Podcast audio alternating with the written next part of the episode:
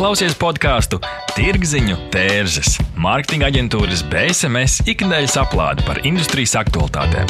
Katru reizi pie BSMS viesojas spilgti nozares profesionāļi un akadēmiķi, kas dalās ar labām praksēm, jēgpilniem padomiem un arī skarbām mācībām. Aiziet! Šodien Tirziņu tērzes studijā Inta Buša. Sveiciens eh, mūsu epizodē par meistarklasēm. Esmu nosaukusi šīs dienas epizodi eh, ar šādu nosaukumu - Meistarklases kā mārketinga rīks. Un tad par šo šodien eh, parunāsim arī ar viesiem. Pie manis studijā ir Andris Reizenbergs, kas strādā restorānu biznesā kopš 2002. gada, ir Gemus zīmola vēstnes un Startautiskās bārmeņu asociācijas kokteļu pagatavošanas čempions, Anna Gruzīnska, Latvijā vadošā biznesa mācību un konsultāciju uzņēmuma Kīts mārketinga vadītāja, kā arī Jānis Āboltiņš, BSMS uzņēmuma īpašnieks. Sveiciens visiem! Sveiciens visiem! Ļoti labi noraksturojāt. Man paldies! Mēs nesaskaņojām. Jā. Čau, paldies, paldies! Jā, tad runājot par šo tēmu, meistarklases, tātad nu, pēc definīcijas ir apmācības, kuras ir ar meistara klātbūtni. Tātad tur ir kaut kāds tāds speciālists, kas zina, ko viņš dara. Un tās vispār asociējas ar unikalitāti, neatkārtojamību, izcilību izcilību kādā konkrētā jomā. Un, uh, par to es šodien arī gribu parunāt. Un tas pirmais jautājums jums, uh, man dārgie viesi, ir, kad jūs pēdējo reizi bijāt kādā meistarklasē? Varbūt varat padalīties savu pieredzi. Es tagad tā uzreiz nevaru pateikt, kad es biju pēdējo reizi, bet es varu atcerēties to, kad es pats veidoju meistarklasu. Tas bija šodien, pirms uh, divām stundām. Un tā ir tāda ļoti laba tēma, ko jūs esat pacēluši. Un īstenībā pirms raidījuma es domāju, kas ir vispār definīcija meistarklase. Kas tas ir? Meistars, kurš ir klasē un māca skolēniem, kā pagatavot kokteili vai cept kūku, vai, vai vienkārši viss sanāk un dalās ar savām nu, tur, profesionālām tur, padomiem viens ar otru. Tā kā mm. forši, ka jūs pacēlāt šo tēmu. Ir arī prieks, ka es varu padalīties ar savām zināšanām, varbūt arī var nosaukt ka tā ir mana meistarklase vai seminārs vai vienkārši satikšanās ar klientiem. Jā, tu fantastiski pieskāries tā definīcijas stāstam, jūs abi, jo es atkal kā mācību kompānijas pārstāvis un pašai man ir tā izdevīga laika pa laikam mācīties dažādās apmācībās, kursos un meistarklasēs. Un te ir tas stāsts par tā termina stiepšanu, vai ne? Jo man, man liekas, ka jūs abi ļoti precīzi nodefinējāt, ka tas ir stāsts par meistara, jeb kāda izcila personības klātbūtni. Un tas ir stāsts par to, kā tad katrs mācību organizators, ko viņš tur ieliek iekšā, vai tas tiešām ir nozars eksperts, kas tur piedalās.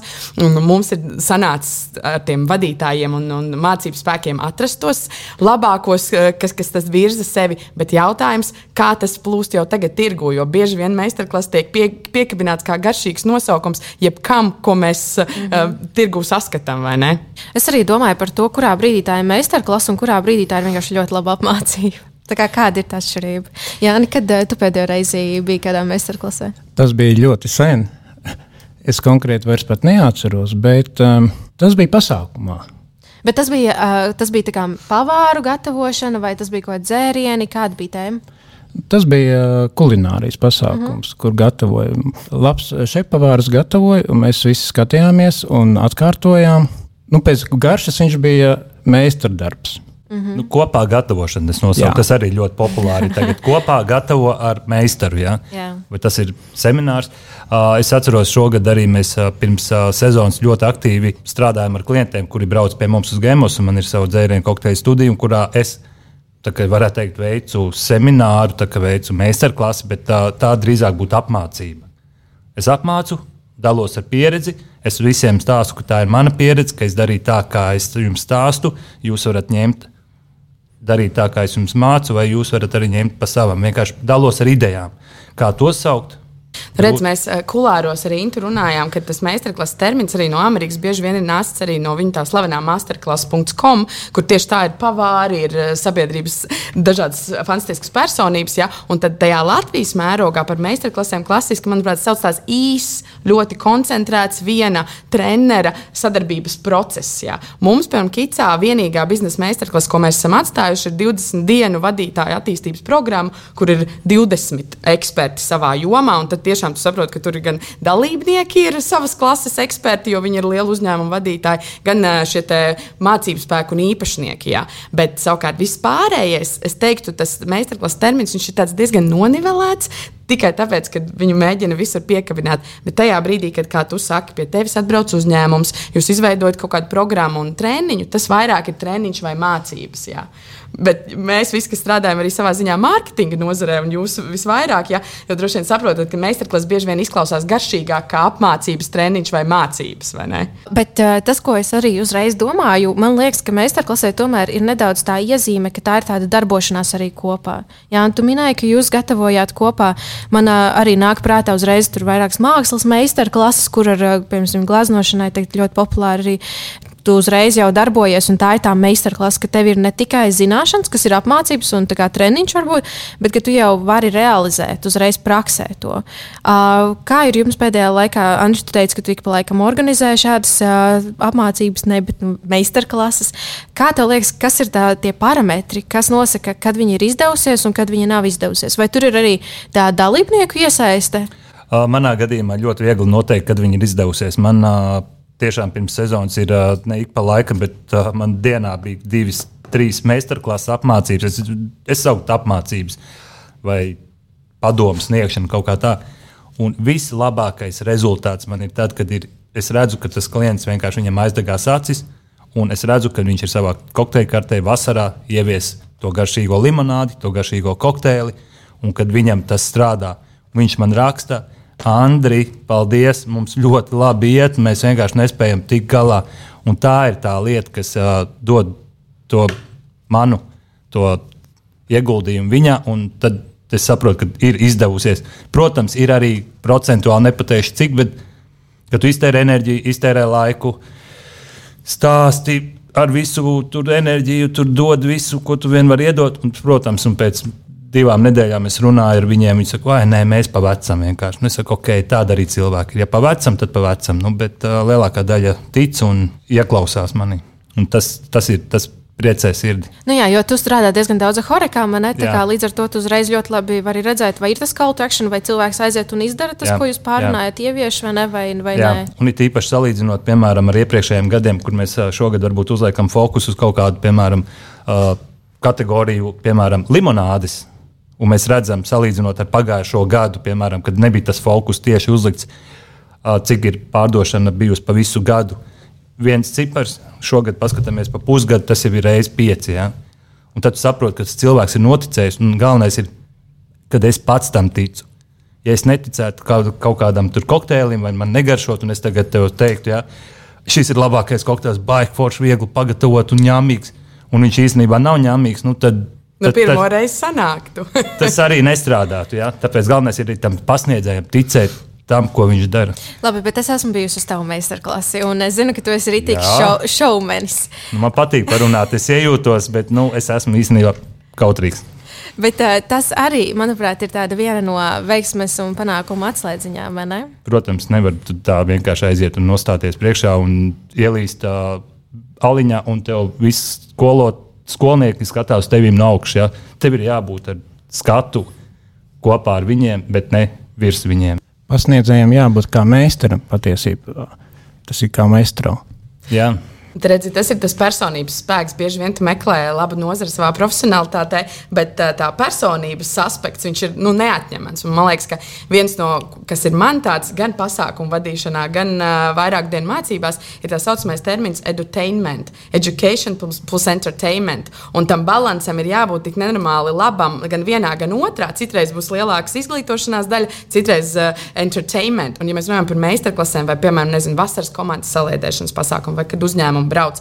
Tad ir nenormāli svarīgi pirmkārt pajautāt, kas ir tā vajadzība, ko jūs gribat izdarīt. Vai jūs gribat saliedēt komandu, vai jūs gribat kaut ko iemācīties, vai jūs gribat abus un ko vairāk. Un tad tas eh, pasniedzējs, treneris, meistarklases vadītājs, viņam ir principā jāpielāgojas. Un ja tu redzi, ka tās personības nekliko, nu, piemēram, dažādu nozaru uzņēmumu ar citiem apmācību vadītājiem, tur var nebūt tā, tā, tā, tā satausta. Vai mēs kulāros runājām, lai tu mācītu, piemēram, restorānu biznesa vadītājs, tev pašam ir jā, jāčamda tā, tā joma, ja, vai līdzīgi mārketingā. Ja jums nāks kāds stāstīt par mārketingu, kas pats strādā nezinu, ražošanā, ja, tad, nu, tad tas līdzsvars nav tik uh, ideāls. Ja. Bet tāda ir notikuma arī. Nu, tādi cilvēki ir un pasniedz sev par profesionāļiem. Tad atnāc uz apmācībām, un tu klausies, un liekas, kas vispār tas ir, kādu jūs te vispār te murgu stāstiet. Ja? Mēs ar Norstata Latviju palīdzību jautājām cilvēkiem, vai pēdējā gada laikā jūs esat piedalījies produktu vai pakalpojumu meistarklasēs. Un, kā jums liekas, cik daudz ir? Nu, no cik aptaujātie, nu, ja tur ir simts aptaujātie, tad droši vien kādi 20% ir piedalījušies. Mums ir Latvijas reprezentatīva dati. Tas nozīmē, ka mēs aptaujājam 1003 cilvēkus. Un, jā, ir piedalījušies kopumā, saka, 12%. Jā. Tātad mēs runājam gan par klātieni, gan par tiešsaisti, gan par abiem uh, formātiem, kaut kādā hibrīdā. Bet uh, 79% nav piedalījušies, un 9% īsti nezina, nemāk atbildēt, jo viņi īsti nezina, kas ir meistarklases. Viņi nav izlēmuši īsti, vai, vai, vai viņi ir vai viņi nav. Un, uh, es arī redzu, ka vairāk eh, sievietes piedalās eh, kā vīrieši, un eh, arī vairāk jauniešu vecumā no 18 līdz 29 gadu vecumam. Ar ko tas varētu būt izskaidrojums? Tas, ka mēs jaunieši gribam mācīties jaunas lietas, viņiem patīk tie tādā antiminēja, ka tur ir svarīgi tas entertainment aspekts, ka tur tas jautri un vieglā formātā varbūt zināšanas tiek pasniegts. Vai tas ir tas aspekts? Noteicošais? Viens ir laika apjoms, jo, piemēram, augstākā līmeņa vadītājs jau salīdzinoši mazāk viņam ir laika ieguldīties regulāri šādās īsos formātos. Viņš uzreiz skatās kaut ko gruntīgāku. Un otrs ir vispār tā izglītošanās un mācīšanās kultūra. Jo, jo jaunāka auditorija, jo viņi vairāk tver un grib mācīties taustīt kaut ko jaunu, ielikt Instagramā foršas bildes no stilīgas kokteļu meistarklases un tam līdzīgi. Ja? Un tad tas, tā atšķirība, nu, visticamāk, no tā arī veidojas. Nezinu, kā tev jā, jā, es atceros paši, kad mēs bijām jaunāki un uh, nebija arī tas, uh, tas laiks ierobežots, jo tagad, zin, kā daudz darba ģimene un tā tālāk. Uz visām meistarklasēm gājām. Brauc kokteļu meistari no pasaules, un mēs vienkārši ķeksīši pēc gājām. Vienkārši apmeklējām visu pēc kārtas, pēc, kad, nu, Nezinu, vai tas bija kaut kas jauns, vai tas bija vienkārši tīri satikt savus profesionāļus. Tas arī ir tāds, un kad tu gribi satikt savus tuvākos nu, profesionālos biedrus vai kolēģus. Ja. Un otrs ir arī mārketinga ietekme un Facebook. Es nezinu, kā jūs, bet es Facebook atvēru eventu sadaļu un es saspiežu interesi visiem pasākumiem, kuriem es gribu iet, un tad es uz dažiem aizēju. Un, un trešais aspekts ir nauda. Bieži vien ir labas kvalitātes meistarklases ar dažādu partneru palīdzību organizētas bez maksas, un tāpēc arī cilvēki grib viņās piedalīties. Tiklīdz kā sāks naudas faktors, tev ir jāizvērtē, vai es izvēlos šo, šīs mācības vai nē. Jā. Jā, mēs tikko esam dzīvojuši e, tādā pandēmijas laikā, kopš 2019. E, gada vai 20. Mūžību, mūžību. Man, jau, man jau liekas, mēs dzīvojam tajā ilgi. Jā. Nu, redzi, un uh, tika organizēti arī dažādi pasākumi, apma, apmācības attālināti. Ar kādiem izaicinājumiem jāsaskarās, visi, uh, lai visu veiksmīgi norganizētu, vai kādi interesanti atgadījumi vai neatgadījumi? Nu, manā gadījumā viss ir ļoti vienkārši. Mēs arī taisījām katru.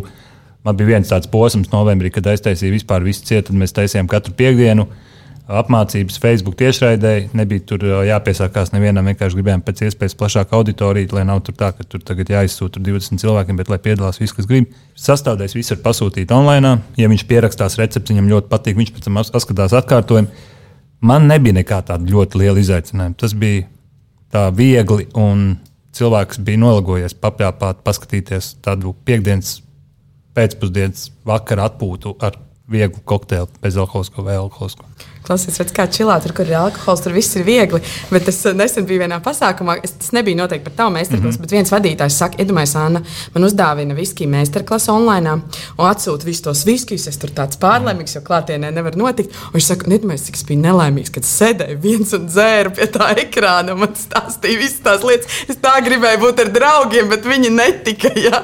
Tā kā, bet es ticu, ka vairāk izaicinājumu tur nav. Bet, eh, bet mums gan mums bija ļoti interesanti. Mēs kā lielākā mācība mācību kompānija mums ir principā 90% no mācībām pārcēlās visu uz attālināto formātu, gan visas gada garumā ilgtermiņa programmas, kur ir arī Eiropas fonda līdzfinansējums, gan īsie kursi. Un principā šobrīd mēs pat pusi nesam pārcēluši, jau gaidot rudeni, lai vienkārši iesildītu cilvēkus. Un tad tas lielākais izaicinājums bija ne tikai motivācija, lai cilvēks slēgtos uh, attālināti, bet principā tu radi no jauna visu to produktu. Tāpēc, kā attālināts mācības vai meistarklases vai semināri, tas ir pilnīgi cits stāsts. Tev ir principā jāpārtransformē viss saturs saturs, lai viņš būtu pielāgots attālinātiem diskusijas grupās, uzdevumi breakout rūmos, ja, stāsts, kā tu iesaisti auditoriju. Principā, jo līdzīgi kā mēs šeit ienācām, mūsu uzstāšanās sākās līdz ar Andra tiešsaisti, arī attālinātās mācībās. Principā mācības sākas nevis tajā brīdī, kad ir deviņi un sākas mācības, bet tad, kad auditorija pievienojas, kāds ir small talks, kā viņi tiek sagaidīti, vai viņus kāds uzfrišina. Principā arī mācību dinamiku un kvalitāti ietekmēs tas vai ir asistents. Mēs uzreiz, tas bija papildus resursus, pieslēdzām visām meistarklasēm mācībām papildus tehnisko asistentu, kas pārbauda, vai visiem ir skaņa, vai visiem kas notiek, eh, vai viss ir saslēgušies, vai ir nomainīti vārdi, uzvārdu uzņēmumu, lai vieglāk dinamiku ir trenerim noķert. Visu laiku ik pēc desmit minūtēm no blāķa satura iet uz uzdevumu vai kaut kādu mentimetru aptauju vai iesaisti. Respektīvi, ir 20 reizes vairāk iesaistas elementi nepieciešama, lai attēlināti norganizētu tikpat foršā līmenī, kāds ir klātienē. Par pasākumiem vispār nerunāsim. Mēs taisījām klientu balvas un Ziemassvētkus online. To var forši izdarīt, bet tas ir nu, uzreiz cits resurss. Jā. Bet tehnika tā taču mēdz arī pievilkt. Man šodien bija uh, Zoom pasākums, un divreiz izslēdzās. Jā, piekrītu. Tāpēc mums lielajos pasākumos ir uh, divi asistenti. Ja kas cits pārslēdzās un sāk runāt runātāja vietā, uh, ir tehniskais asistents, kas palīdz dalībniekiem. Jo, piemēram, online mums ir tāds biznesa klases klubs, kur Latvijas uzņēmuma vadītāji piedalās. Un, uh, tur piedalās 150, 180, 200 cilvēki vienlaicīgi. Un tas, kas ir svarīgākais, kas ir erors, atcerieties Zoomam nopirkt to lielo licenci, kas ir virs 100 simts dalībniekiem. Jo es vienreiz skatos, baigi interesanti, tieši simts dalībnieku. Kāds varbūt bija kā 200, bet tieši simts. Beigās mēs saprotam, ka licence nav pagarināta tajā dienā, un tad daži stāv aiz durvīm un klauvē un netiek iekšā. Jā, iziet cauri čeklistam, tām tehniskajām lietām, vai ja vadītājs kaut vai vada sapulci vai meistarklasi, vai viņam ir labs mikrofons, vai viņš tur negorās un ne, nedzina kaut kādi aizskari, vai viņam ir mobilo datu internets labs. Ja tev izslēdzas parastais internets, cik tu uzreiz pārslēdz uz mobilajiem datiem. Jā? Nu, tas ir baigās nianses un kā prasa resursus, bet daudz cilvēku diezgan vieglprātīgi uh, uzvedās. Nu, oh, nu, vai uztaisām ātri meistarklasi, čik čik nekas nebūs. Tāpēc jau arī piemēram, gan jūs, gan, gan mēs, kas esam starpnieki, kas viņus organizē, mūsu uzdevums ir norganizēt, lai viss būtu, lai kā jums te podkāstā ir forši mikrofoni, lai nekas nenogļukoja. Tāpat ir arī jebkurām apmācībām un meistarklasēm, jo tas nav nekas briesmīgāks. Es nezinu, vai jums tā ir bijis, ka tu piedalies apmācībās un pēkšņi tu nedzirdi to runātāju, vai tu nevari ierakstīt neko čatā, vai prezentācija iet kaut kāds septītais slaids, viņš stāsta par pirmo. Nu, tas ir tā. Nē, nu, ja tu sekoji līdzi aktīvi, tad tas traucēs nokārtoju tu... motocikla to medicīnisko ieskaiti. Labi, ka tur nebija video jāslēdz iekšā. Es klausījos, es peldējos un klausījos, un vēlāk mēs tur ar draugiem kopā nokārtojām. tā kā, bet tā nebija meistarklases. Tā CSDD neklausās, cerams. CSDD tas nebija, tas bija autoskola, viena uh. cita motoskola. Par uh, attālinātajām meistarklasēm un uh, kā vēl labāk tās organizēt, mēs parunāsim pēc neliela pārtraukuma. Neatbildami jautājumi, sarežģīti lēmumi. Sazinies ar Norstat. Mēs palīdzēsim. Norstat. Tas ir draudzīgs servis, innovatīvi risinājumi un kvalitatīvi dati, lai to varētu pieņemt veiksmīgus, datos balstītus lēmumus. Pievienojies vairāk nekā simts Latvijas uzņēmumiem, kas uzticas vadošajam datorisinājumu nodrošinātājam Ziemeļeiropā. Mūsu mērķis ir atvieglot tavu dzīvi un ļaut pieņemt pareizus lēmumus. Norstat - vērtīgi dati svarīgiem lēmumiem. www.norstat LV BSMS - tas ir zīmola pārdošanas un mārketinga atbalsts, stratēģijas, satura un menedžmenta pieredze kopš 1999. gada. BSMS nodrošina radošas, tradicionālas un digitālās pārdošanas veicināšanas kampaņas un konsultācijas. Apmeklē mūsu mājaslapu www.bsmslv un uzzini vairāk. Skatoties datos, es redzu, ka cilvēki visvairāk apmeklē tādas meistarklases, kas ir izglītojošas, 33%, 33% arī saka personisko prasmu pilnveidošanā, 29% kā produktu vai pakalpojumu prezentāciju. Tas ir atkal Andri, tas, ko tu ikdienā dari, ļoti aktīvi. Un tad, kas motivē šos cilvēkus piedalīties, tad mēs jau runājam šeit par tiem cilvēkiem, kas ir piedalījušies par kvalitatīvu atlasi, un 60% saka pēc paša pašiniciatīvas, bet ir arī 13%.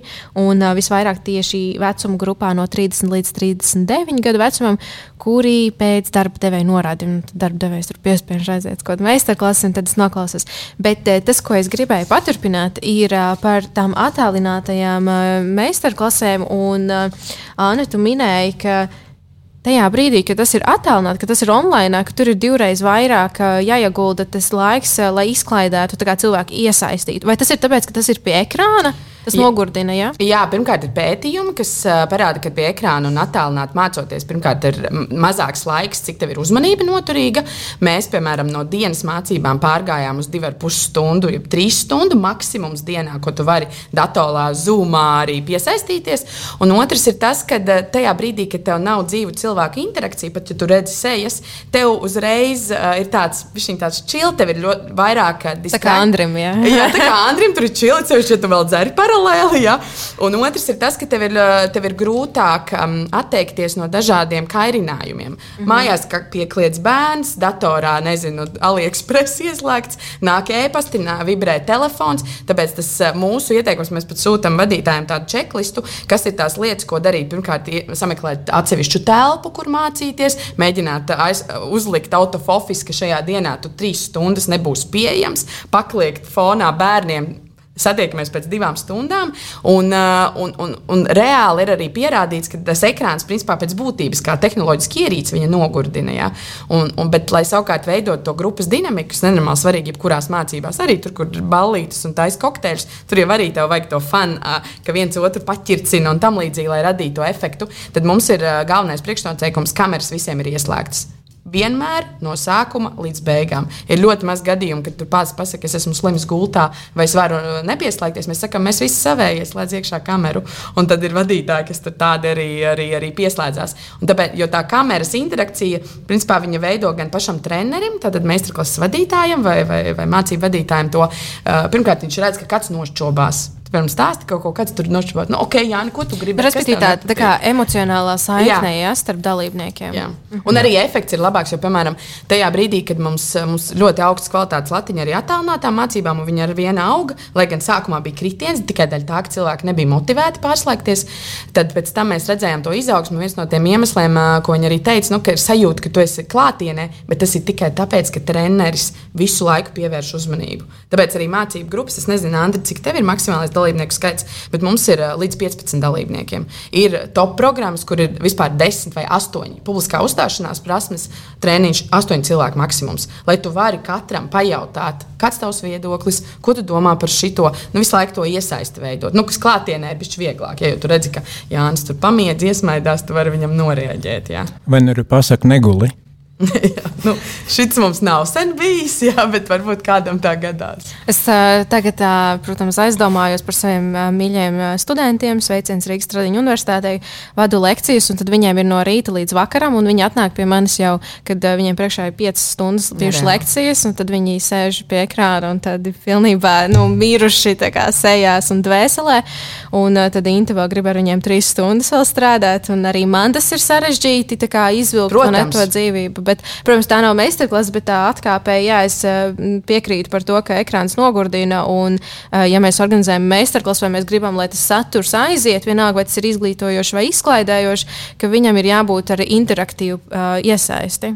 Tu arī, Andri, vai ne? Iesaisti daudz. Uh, man ar to online tur tā mazāk varbūt ir bijis tādas saistības pirms tam, jo tad, kad Horeka bija cieta, tad nevienam īsti neinteresēja. Tad es atkal taisīju meistarklasu ar arotu skolām, kas eh, tieši praktizējās uz viesmīlību un eh, bārlietām, ja, un ēdināšanu.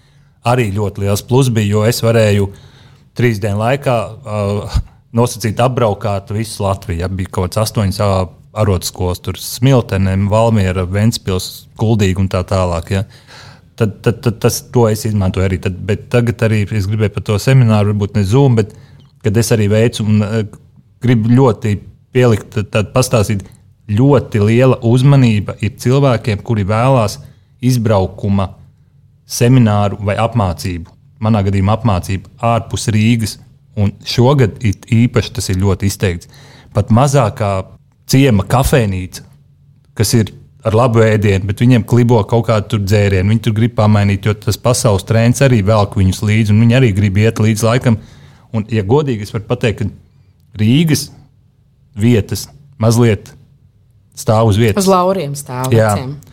Uh, viss jaunbērzes, uh, pastendes, stende, laucie, saukrastī. Tur vi- visi grib foršas lietas. Un viņiem strādā, man sūta un rāda. Un man vienkārši priecē tas, ja silts ir. Tāpēc, ka viņi ir laimīgi. Šitā ir vispār nenormālākā tendence par to vēlmi kļūt produktīvākiem, vēlmi kļūt labākiem, kas parādās no reģioniem. Un to savā ziņā tev var būt savādāk, bet mums tas attālinātais to palīdzēja. Jo tagad tie, kas negribēja trīs stundas no Liepājas, Ventspils, tur Latgales braukt, viņi var mācīties attālināti un pieslēgties. Un mums pat ir tendence, ka nāk no ārzemju latviešu kopienām vēlme mācīties vadītāju programmās attālināti, piemēram, no Abu Dabī. Tev ir, piemēram, oficiāls Rīgā, bet tā tu pašā esi Abu Dabī un tu gribi pieslēgties attālināti. Un tas paplašina, tas ir tas stāsts par digitalizāciju un, un mūsdienām, ka tas ļauj ma, nu, mainīties. vai ne? Un, un tā efektivitātes tēma, ko tu saki, ka reģiona grib būt efektivitāte, tas ir baigais signāls, tāpēc ka konkurence ir milzīga visās jomās. Ja? Bezdarbs, pastāstīs, Latvijā mums vispār nav. Nu, cik tur tie procenti tas vispār neskaitās. Tie, kas grib strādāt, visi strādā. Ja? Un, eh, un tas, tas, bišķiņ, tas konkurētspējīgais faktors, ka mums visiem ir jākļūst labākiem, lai, lai kaut ko nu, sasniegtu un izdarītu, viņš ir baigi feins. Un tas nu, LinkedIn learnings un, un šīs visas online meistarklases ir baigais pieplūdums. Tāpēc, ka gan Covid, gan arī tagad karš, viņš iedod pa pakaus tādiem cilvēkiem, ok, ja man manā nozarē vairs nebūs darbs, ja mans uzņēmums vairs neiztiks, ko es darīšu. Es zinu, ka mārketinga jomā cilvēki runā, citi tur taisa putnu būrīšus vai sāk kaut kādus paralēlos biznesus. Viņš saka, nu kā digitālās lietas attīstās tik ātri, ka pēc desmit gadiem es jau būšu, nu, es nevarēšu tik līdzi. Es, es vienkārši nevarēšu tā kā pielāgoties. Tāpēc tās prasmes, kas tagad iet uz urā, viens ir izklaides bizness, tāpēc ka cilvēki grib būt priecīgi, viņi grib būt laimīgi, viņi negrib tikai strādāt, un tāpēc tad tava joma plaukst. Un otrs ir, uh, uh, ir efektivitāte un tās labbūtības un laimes treniņi. Efektivitāte, tāpēc, ka vajag ietaupīt naudu, tāpēc, ka rudenī nezinu, kā izdzīvos ar uh, visām lielajām cenām, un laime un labsajūta, tāpēc, ka uh, nelaimīgi darbinieki uh, slimo, nenāk uz darbu, iet prom, tāpēc, ka nepatīk kaut kas. Piemēram, tas, kāda izaugsme mums ir bijuši pēdējos gados, vienkārši pieprasījums pēc emocionālā inteligence, labklājība, stresa mazināšana. Ja? Jo beidzot uzņēmumi arī saprot, ka tas tiešā veidā korelē ar to, kādu naudu ie- ienesīs darbinieks uzņēmumam. Ja? Nu. Un arī, arī balītas. Ja? Kā, kāpēc mārketings tā tagad cīnās ar back to work pasākumiem? Tāpēc, ka ne tikai tāpēc, lai atgrieztu birojās, bet tāpēc, lai būtu tas komandas feelings sajūta. Ja? Un tad, piemēram, arī pasākumu jomā saistībā ar izglītību, ja? es vienmēr saku. Jā, mēs uztaisām mācības, bet kur jūs ieliksiet kaut kādus momentus, kur, kur tie darbinieki var kā, kā komanda saliedēties? Jo sēžot mājās, daudzi kļūst par vienīti. Nu, sēž ar viskiju meistarklasi, uh, dzer un, un, un atpūšas, kas nav slikti. Jā. Bet uh, tas komandas feelings, ja mēs runājam rezultātu kontekstā, nu, viņu vajag. Interesanti, ka uh, mēs runājam par alkoholu. Man bija viens kolēģis, kas skatījās vecās bildes, kur senajos 90. gados, jo mēs jau 30 gadus lasām Latvijā, birojā bija uh, tādas viskija pudeles, dārgas viskijas un tādas ballītes. Un viņš saka, "Nu, tie bija labi laiki. Laikam jāsāk vairāk dzert, lai tas rezultāts vēl labāk nāktu. Jo kaut kāda korelācija tai atpūtai ar to, ar to radīšanu ir vai ne? Es eh, vispār redzu, ka tā ir tāda globāla arī tendence, ka uzņēmumi arvien vairāk domā, kā iesaistīt eh, savus darbiniekus uzņēmuma kopējā nu, vidē. Tad eh, vai nu tie kādreiz bija ļoti aktuāli korporatīvie pasākumi, tad kaut kādu brīdi to nevarēja darīt un bija jāmeklē risinājumi. Tad eh, mēs arī daudziem uzņēmumiem organizējām šīs meistarklases, kur eh, mēs, piemēram, studijā ar ā, pavāriem vai bārmeņiem gatavojam, un tur ir interaktivitāte, ir izklaide un ir tā izglīt, izglītojošais aspekts vēl klāt, kas ļoti forši var arī teiksim, nu, apvienot kolēģus, ja viņi iesaistās. Un kādā veidā tas atbild par to, to jautājumu, vai ne? Par to, kā tad uh, iesaistīt darbiniekus un veidot viņus kā komandu. Tad meistarklase var būt tādā ziņā kā mārketinga, nu, iekšējā uzņēmuma mārketinga rīks. Bet, ja mēs runājam par tādu vēl ārēju uh, mārketingu, tad, protams, to var uh, taisīt arī publikai, tad, tad uh, patērētājiem. Uh, tas ir atkal, ko tu, Andri, vai ne ikdienā dari. Un, jā, tad, Ko jūs vēl šeit teiktu, market, nu, teiksim, meistarklases kā mārketinga rīks, kas ir jūsu pieredzē strādājis eh, šajā aspektā, vai kas varbūt vispār nestrādā? Izglītība ir vislabākais mārketings. Un, un es to saku ne tikai tāpēc, ka es nāku no abām nozarēm, no mārketinga un no izglītības, uh, bet es varu pateikt, ka gandrīz visi uzņēmumi, ko es zinu, gan lielie, gan mazie, viņi veido jebkāda veida uh, izglītojošā aktivitāti, kuru principā iekļauj savā mārketingā. Vai tas būtu biznesa, dažādas apmācības saviem klientiem, ko viņi iedod bez maksas, vai tas ir kaut kāds saturs, stresa vadības treniņi bez maksas, vai tās ir fanu meistarklases bez maksas. Ja? Dažādi tur dobels dzirnavnieks taisa par veselīgu dzīvesveidu meistarklases, lai gan nozare mazliet cita, ja tur dažādi uzņēmumi iesaistās. Tāpēc, kad cilvēku izglītošana visvairāk ietekmē uh, cilvēka viedokli par to uzņēmumu. Tad, ja tas izglītības līmenis tur ir bijis labs, viņam arī viedoklis par to zīmolu mainās uz labo pusi. Jā. Un tas ir arī patērētāja izglītošana. Jā, viennozīmīgi. Jā. Jā. Jo uzņēmumi jau ko viņi grib, lai tas patērētājs zina par uh, viņu zīmolu un produktiem un uzņēmumu un izprot tos, tas, tās lietas, kas veido to produktu, cenu un tā tālāk to piedāvājumu. Un arī uzreiz līdz ar to atkrīt ļoti daudz jautājumu, ja patērētājs ir tiešām patiesi izglītots par to produktu. Un manā Jā. gadījumā, kad uh, atbrauc klienti, kuri nav varbūt bijuši nekad uh, Gemos teritorijā, uh, kur mums ir uh, studija un gemos veikals un kafijas grauzdāta un iekārts un viss kaut kas. Un daudzi ieraugot to, kas ir apkārt, atbraucot tikai pie maniem ar domu, tikai iemācīties, varbūt trīs kokteļus, kā iemācīties. Tā mana studija ir kā mārketinga materiāls priekš mm -hmm. iekārtām. Viņš aiziet uz veikalu, viņš ierauga, viņam vajag ledus mašīnu, viņš ierauga ledus mašīnu, viņam ir acis liels, viņš visu grib. Un, protams, neesam rēķinājuši neko procentuāli, bet redzam, ka cilvēki atbrauc ne tikai iemācīties, bet arī ar lieliem ratiem iziet Protams, ārā. Tur no gēmas vispār nevar iziet ārā. jā, jā, jā. Nē, jo tur lai vienkārši nepārbītos atkal. Bet, redzi, tas ir tas, bet ir svarīgi viņu dabūt uz to klātieni. Jā. Jo attālinātais ir forši, bet attālinātais ir tā, ka tu pieslēdzies, tu paskaties, un, un tad tev ir vēl vairākiem soļiem jābūt, lai tu izdarītu to pirkumu lēmumu. Vēl no seniem laikiem, kad es arī biju kolēģis BSMS, es atceros degustācijas veikalos. Ja tu nekad nenopirksi varbūt, to vīnu, bet ja tev meitene izstāsta, nu šis ir nu, tādu odziņu, tas vīns, nu pagaršo garšojiet. Tu izēj ārā ar četrām pudelēm domā, kam tu viņus dāvinās. Ja?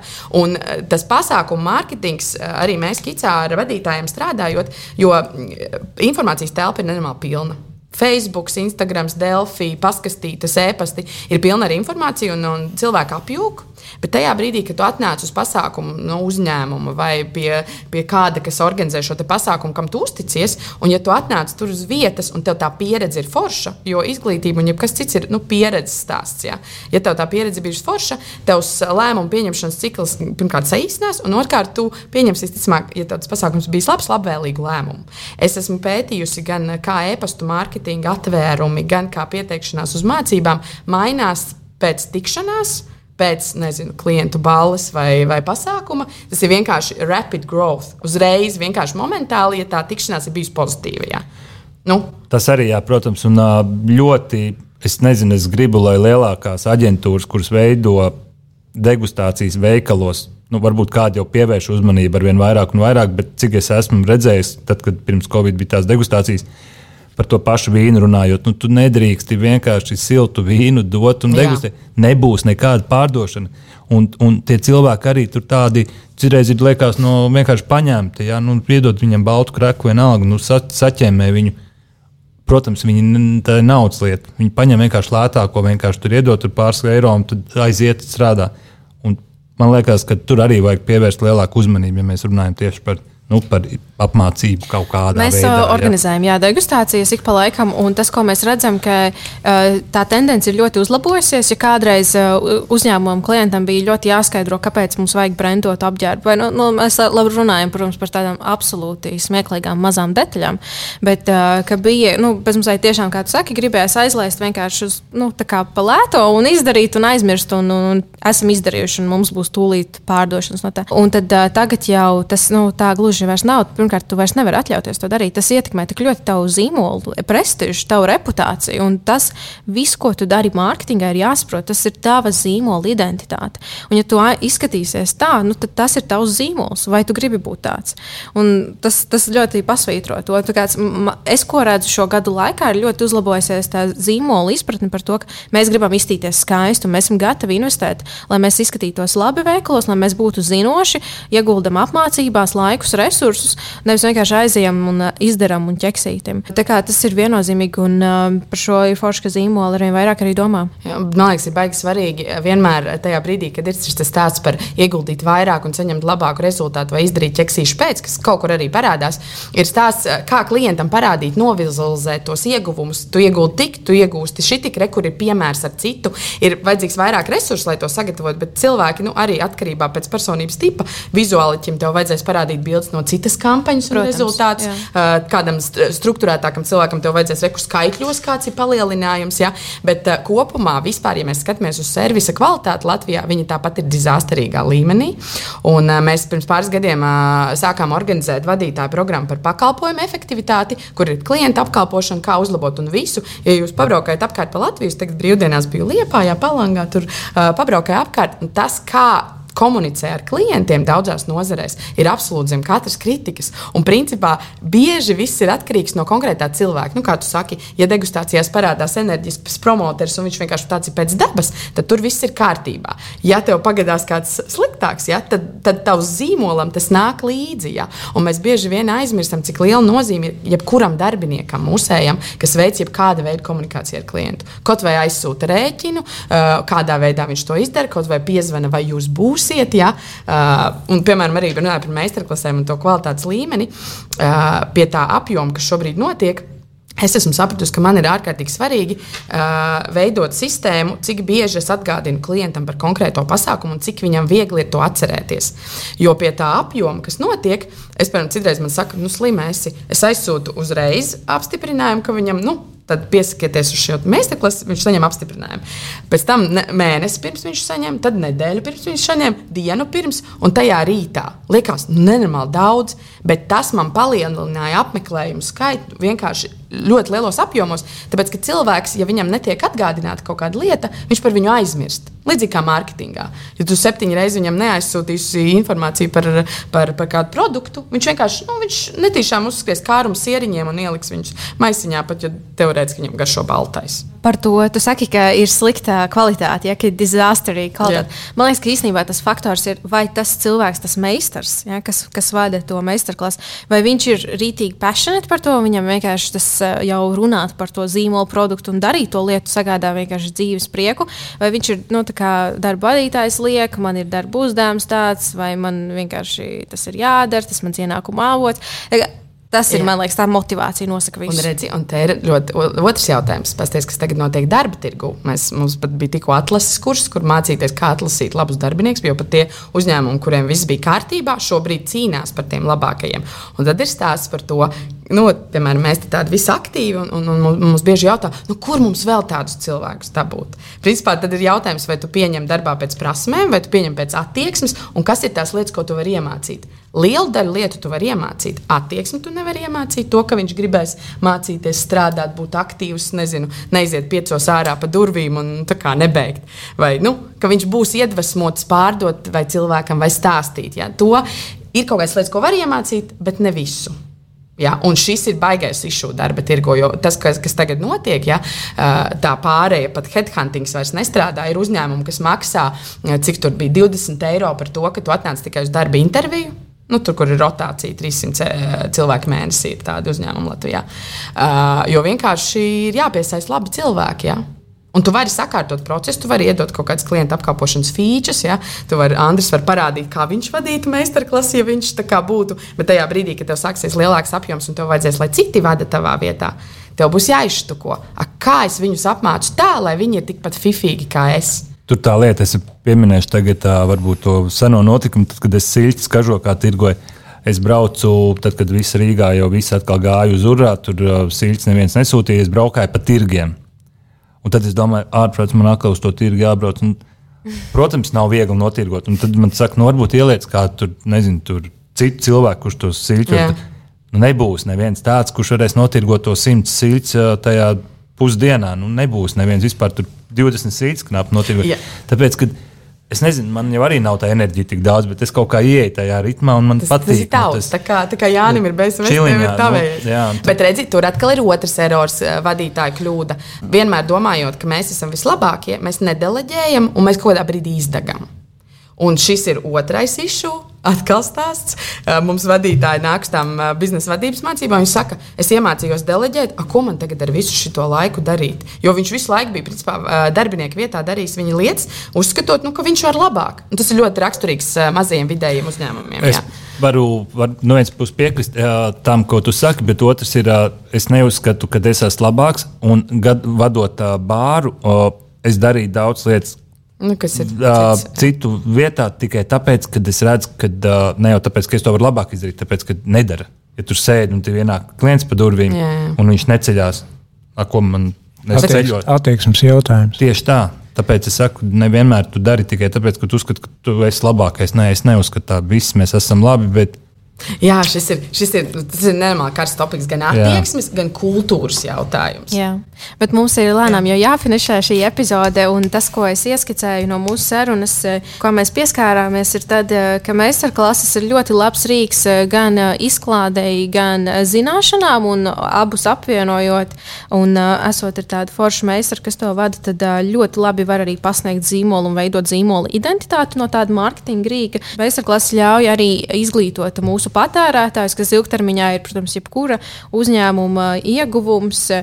Kas ir ļoti pašais eh, sarežģīti, ir eh, meistaru pēctecība, kā atrast jaunos meistarus, eh, kā viņus izglītot, apmācīt, un kā arī jā, kā nodot šīs zināšanas. Kas ir vēl ļoti svarīgi, ir arī tad, kā mēs iesaistām auditoriju, sevišķi, kas attiecas uz online meistarklasēm.